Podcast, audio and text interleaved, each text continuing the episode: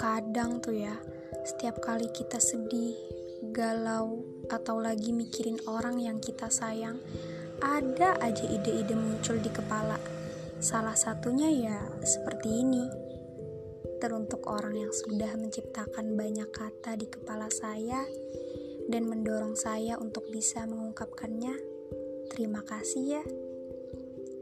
Oh iya, kalian bisa panggil saya dengan nama Meldi, Meldia, atau Hemdi. Selamat mendengarkan.